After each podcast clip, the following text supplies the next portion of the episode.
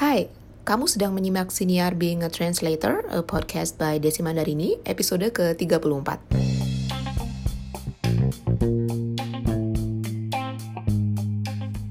Selamat datang di Siniar Being a Translator, a podcast by Desi Mandarini.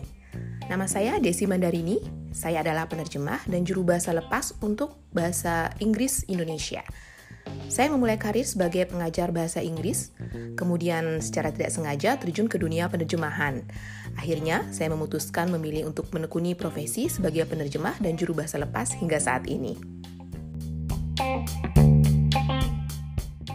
Selamat datang kembali di Siniar Being a Translator. Gak terasa ya, kita sudah memasuki tahun baru, dekade baru. Dan tidak terasa juga siniar ini sudah berusia satu tahun. Jadi saya ingat saya menerbitkan episode pertama itu di tanggal 14 Januari 2019. Jadi sekitar tiga hari yang lalu uh, adalah ulang tahun senior being a translator yang pertama. Yeay! nah, uh, untuk episode kali ini saya saya hanya ingin membahas beberapa hal yang sudah saya terbitkan dalam senior saya di beberapa episode sebelumnya. Jadi semacam kilas balik di tahun 2019. Sejauh ini sudah ada 33 episode yang terbit. Dan topiknya tentu saja uh, mengenai penerjemahan dan penjuru bahasaan serta bekerja lepas ditambah produktivitas karena saya suka segala hal yang berbau-bau produktivitas. Nah, pertama uh, apa sih alasan saya menerbitkan sinyar ini, membuat sinyar ini? Tentu saja karena saya ingin berbagi. Jadi setelah sekian lama bekerja sebagai penerjemah lepas, saya merasa ada banyak sekali ide, banyak hal, dan banyak um, apa ya uh, pemikiran yang ada di otak saya ya, terutama tentang semua yang sudah saya lalui, semua yang sudah saya kerjakan uh, sebagai pengalaman saya sebagai pekerja lepas. Saya pikir tidak ada salahnya saya bagikan semua pengalaman itu, terutama karena belakangan ini saya sering membaca dan mendengar terutama dari media sosial dan juga dari organisasi organisasi profesi saya mengenai orang yang ingin memulai karir sebagai penerjemah lepas. Mereka tertarik karena bekerja sebagai penerjemah lepas itu sifatnya sangat-sangat fleksibel. Kamu bisa bekerja dari mana saja, kapan saja, Eh, sesuai keinginan kamu. Kamu bisa kamu bisa mengatur jadwal kamu sendiri tanpa perlu terikat dengan jam kantor.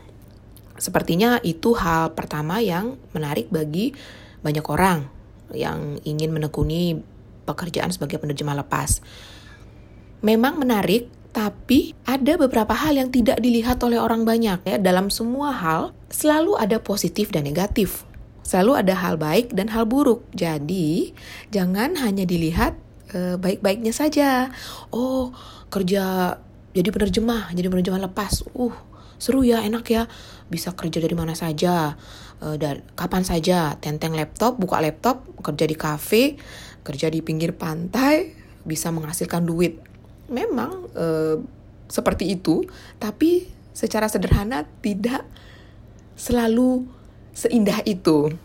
Jadi saya juga ingin membagikan hal-hal yang tidak hanya positif tapi juga negatif. Jadi orang yang ingin terjun itu tahu uh, konsekuensi apa yang akan mereka hadapi ketika memutuskan untuk bekerja lepas sebagai penerjemah atau juru bahasa. Uh, dan memang kalau ingin memulai kerja sebagai penerjemah lepas itu harus banyak tahu tentang dunia ini seperti halnya juga profesi yang lain ya.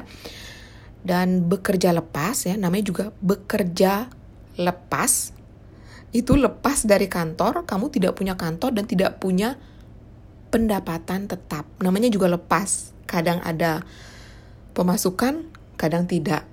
Kadang beruntung mendapatkan banyak proyek, kadang juga tidak. Jadi, kamu sudah harus siap dengan berbagai trik untuk mengatasi hal tersebut. Nah, karena itulah saya memutuskan untuk berbagi. Sebelumnya saya sudah pernah menulis di blog.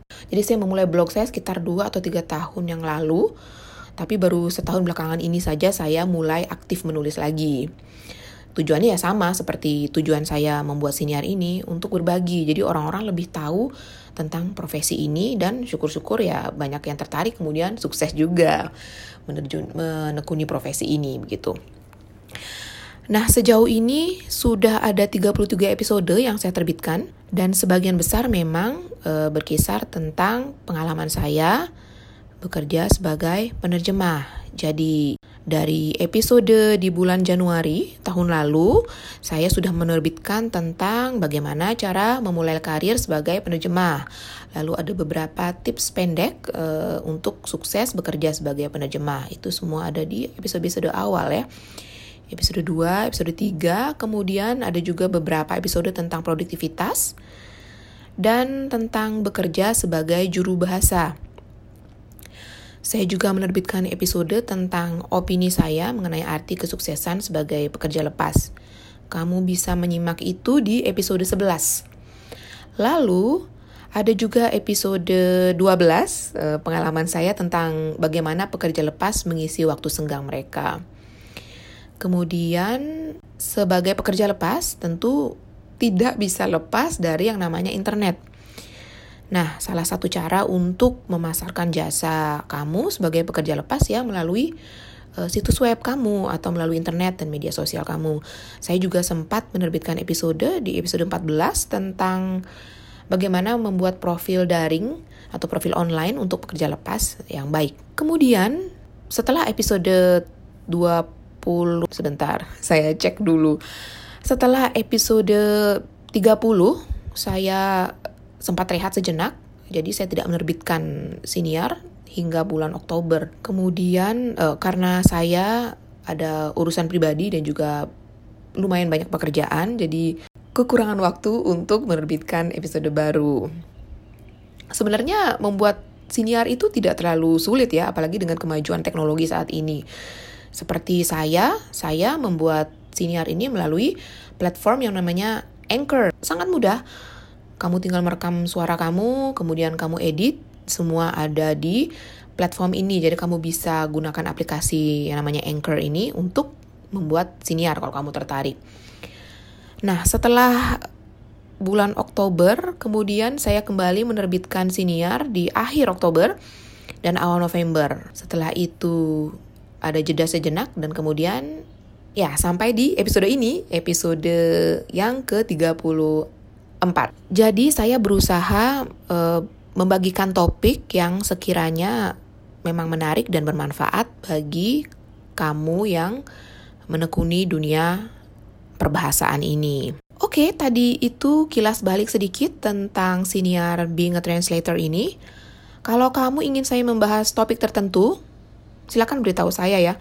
Kamu bisa beritahu saya melalui surel atau uh, kalau mau mengirim surel, kamu bisa kirim ke info at desimandarini.com atau bisa kirim pesan ke saya melalui media sosial. Jadi akun Instagram, Twitter, dan Facebook page saya semua ada di bagian deskripsi untuk uh, episode kali ini. Kamu juga bisa mengunjungi situs web saya di www.desimandarini.com untuk sekadar membaca-baca tulisan saya mengenai penerjemahan, penjuru bahasaan, dan bekerja lepas. Dan jangan lupa juga kalau kamu suka menyimak siniar ini, eh, bagikan lewat media sosial kamu supaya lebih banyak orang yang bisa mengambil manfaat dari siniar ini dan juga memperoleh informasi. Sampai di sini dulu untuk episode kali ini dan salam sukses.